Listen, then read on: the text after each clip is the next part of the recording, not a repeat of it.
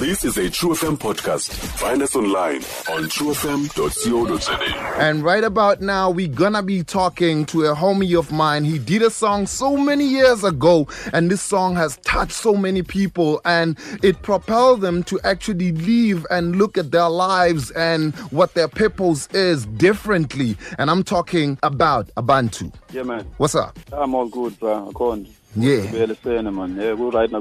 No, all is good, man. All is good. It's been a while, man. Yeah, it's been a while, bro. I know. First thing I must ask, what happened to the Amandla uh, project? Yeah, the Amandla project. Uh, in fact, uh, there was some other uh, spiritual transitions that were taking place at the time. So Mm, mm. yes, uh, through uh, writing and, and preparing for the project, I realized there are things that uh, were more personal and spiritual and otherwise that I had to take care of Mm, mm, uh, before I can deliver to the people you know most. Um, Uh-huh, can't just uh take out music and force it onto me, Mm, especially mm. when there are things to take care of inside. So whenever I'm going to write, I must make sure that my inside is proper, so that Mm, whatever mm, it is that mm. I deliver is something that I stand for and it's something that I feel. uh, Uh-huh, is going to uh-huh. make the impact that it has to make on people, yabo. Uh-huh. So I had to stop the project halfway through because I had to take care of such things, yabo. Mm-hmm. We tried to get to Unati again, eh? but then I don't Yeah. find her on the phone right now. Yeah. Um, so many years ago, I remember you did Umahosha, and um, the song that actually came after Umahosha, uh, in terms of impact and everything, was uh, Unonsundu.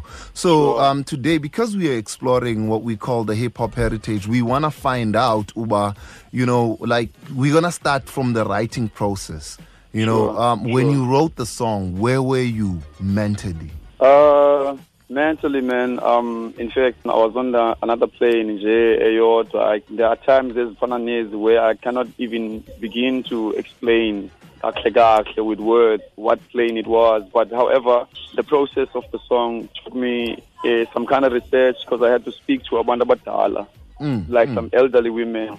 Uh, Mm. you see, I spoke to elderly women because there were words, the Xhosa, Mm, ebekufuneka ndizifumene yabo that. I knew what I wanted to write Mm, but mm, then mm. with isiXhosa esiproper sokusibeka phayana some of the words had to come from uh, abantu abadala. So I spoke to these women Mm, and they told me his story as a different about so many different things and they gave me the words about as a different that I needed from them. Mm, and mm, so mm. that was the process of the song. In fact it, it was blessed by elderly women before it even went to record. It Mm, was blessed as a script. Uh-huh, because when, uh-huh. when I finished the script I went back to them and said to them look here is the script. Mm, when you're reading through this, what do you feel as an elderly woman? Mm, mm, mm. So they blessed it. They felt no, it was a, a very, very powerful message and everything else. Mm, so I mm. also went to younger sisters as well. mm, I mm, made mm. my research with them, and then I gave them the script. They read it, and then they blessed it as well. Then it went to recording. Mm, mm. Yabo? So, so it's, Yeah. it's not a question of you um, having this concept and just writing through it. It was Yeah. you um, employing what you had um, around Sure. you in terms Sure. of the elderly women and Yeah. testing the script before you recorded. Before I even went on record, yeah. Which came before um, the beat by Udwai or the wording? It was the beat, bro. It was the beat. Let me be honest. It was Mm. the beat because Dwight played this beat on our way to Cape Town. Mm. But nothing came at the time. We went to Cape Town and came back from Cape Town with nothing in the guy. We were playing the beat, different Mm. beats throughout the, on the journey. Mm. And then when we came back, I took the beat with me. That was Shalana. And then when I sat with it, some one night, yeah, well, Mm. Mm. sitting listening to the same beat Mm. over and over again, Mm. then words started pouring out. yeah, By Creech. words started pouring out. Yes. Mm. Mm. by a. Words started coming out. He's a by a. Yeah. Eh, But well, yeah, that's where it was. Creech. That's where it was, in fact. That's where it was, indeed. Yeah. So Mm, mm. It was the beat from Dwight. It was so inspiring, and I was listening to. It was an Evanescence uh, sample most. Mm, yes, So yes. as I listened to the keys that are being played there, and the, the smoothness of everything else, and the whole Mm. playing ekubeka kuyo nje yona i-beat iyodwa nje, it took me into some storyline. You know what I mean? Mm. So yeah, zavele words. Now, uh, now tell me when because I remember when you came uh, from the studio. Um, I think we were at Odade's house and you played the song and you were excited about it. Now, Sure, the question I have when you came with the song, did you anticipate what was going to come? That this song was going to have the impact it did? You know, um, the song itself, if I may say, kukho a journal that I was writing at the time. Mm. My old journal. I was checking it out even in fact this year. Mm. I think early this year I checked that channel and I, I saw that the song, as far as the plan yeah, is concerned, there are things that are written on that channel that are saying, um, I want this song to breathe life, Lawe, so much that I wish it could it could it could be bought even by trees, by the environment, you mm. know what I mean, mm. and mm. then the people themselves. So it's just the things that you write, you know what I mean, in a journal that you feel, okay, these are my wishes, these are my hopes. Yabo ngale. When I looked at them now, I wrote them at that time, but um, I never really uh, went back to keep on checking. Bang, bang, okay, what did I write about the song on the journal? But when I looked at it, I realized, well, hey, in fact, it's something I wrote maybe from the spirit without me realizing that it was gonna happen. In fact, yeah. well, So as the song blew up, Yenza Lendi Yenza, after so many years, Mm. it may be something I expected somewhere deep in my spirit, somewhere deep in my soul, where the song was coming from. Mm, You know what I mean? but consciously, being a color expectation. Uh-huh. Uh-huh. Yeah, You were just um, exploring and doing music the same way that you were doing other songs. Yes. So, are, are there any testimonials? Um, you going out there and meeting someone and say, "Ah, bra, unguwe abantu, um, Sure. your song, uh, eti unonsundu. This is my story with it." Have you ever had uh, such an encounter? Yo, those encounters are, are things that, uh, in fact, have been keeping me alive for a long time, you know, because I've been meeting people uh, to an extent now. Like, I've, I've recently, there's, there's a lady uh, who's, a, who's a journalist. Mm, mm, Uh, that when she when she gave me her testimony over the song and how it impacted her life because she was still in high school at the time, mm, yeah, well, how it changed uh, her perception, how it gave her the mind to think and to feel, but she doesn't want to live a life so much that they will point you about as feeling in any time in the future. As she was listening to the song in uh, high school, mm, today she's a journalist. She's working for one of the you know. Mm,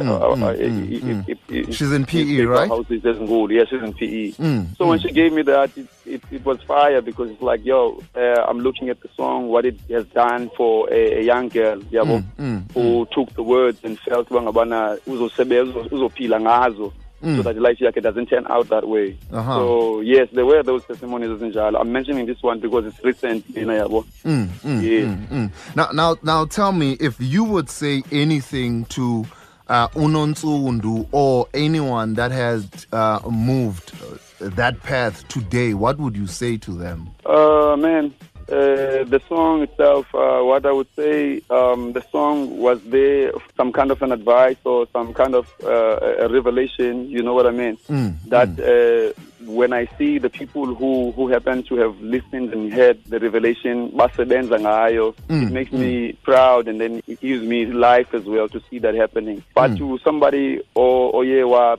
chenisha into that path, unfortunately, with the environment that uh, unonsundu aphuma kuyo, you expect anything, you know what I mean? Uh, the pressures of the world, uh, the things that are happening around. I still see some sisters, you know what I mean, who happen to, to, to hit against some very hard walls, Lawe. Mm, mm, Uh, sometimes uh, because of their own, you know, making. At times because of the environment itself. You know what I mean? mm, so what I would say is that um, there's still future. You know what I mean? There's still a, a space to transform your life Uh-huh. as a person, regardless Uh-huh. of how hard you've hit the rock. Like I was checking out something from the Japanese. They're Mm. talking about the Japanese bowl. When the bowl is broken in Japan, when Mm. a, when a ceramic bowl, you know, or, or whatever is broken in Japan, they mend it. They put it together uh, using e-gold. You know, Okay, okay. on the cracks, the Mm. cracks that are there on that bowl, they use gold on those cracks. As a result, when you review the bowl again Mm. after it has been uh, reformed with gold around the cracks, then Mm-hmm. Uh-huh. it becomes even more beautiful, beautiful than it was before. You know what I mean? because then it has gold, mm, and all of those cracks now become some form of an art. So Mm, it depends on the person that ufuna ufaka ntoni kwi-cracks zakhe Mm, as people are hitting against uh, the, the, the walls. You know what I mean? Mm, If you put gold on your cracks, then you become the beautiful person, and then you turn out to be something even more greater than you were before. You see? Uh huh. Uh huh. Yeah, man. No, man. Um, look, it's time. Time would always be against us. Uh, but Sure. right now, we we've spoken about where this is coming from. Are there any things that we should be, you know, looking forward from you? M- umzekelo, mhlawumbe uNonsundu wayenomntana umntana qha esingazange simazi and whatnot are you working on anything Yes, I am working on some things, you know what I mean? Especially there's some inspiration around my home as well because some of my sisters were very young at the time. Mm, mm, so some of them are now in university, some of them are working and everything. I sat around and then uh, the story came around their life and how it turned out, you know what I mean? Mm, so there is a story that is coming yeah, well, Uh-huh. on the project that I'm working on. However, it might it might not be it, it's not some kind of an Nsundu remake or anything like that, but it's a story of its own. It's got its own life. You know what I mean? People should expect that. uh-huh yeah. Thank you very much man any last words that you want to put out out there Yeah, to the people, um, I'm currently working. Uh, like I said, it's gonna be before the end of the year. Obviously, we are now in September. Mm, However, if it doesn't so happen, uh, there will be singles released before the end of the year. But the whole project is something for 2021. Since we've seen what has been happening with us and regulations and all the pandemics, Mm, you know. mm, So yeah, people should expect. Put your ears on the ground, and you will hear something coming from Abantu. all right thank you very Yeah. much man all the best for much. Future too, man. endeavors word is born Yeah, man. that was a abantu this is nonsundu on true fm like no one else yathula ihlabele gwithu noma ngabe nge Stream True FM online on truefm.co.za. sikho yonke indawo ngalo lonke ixesha like no one else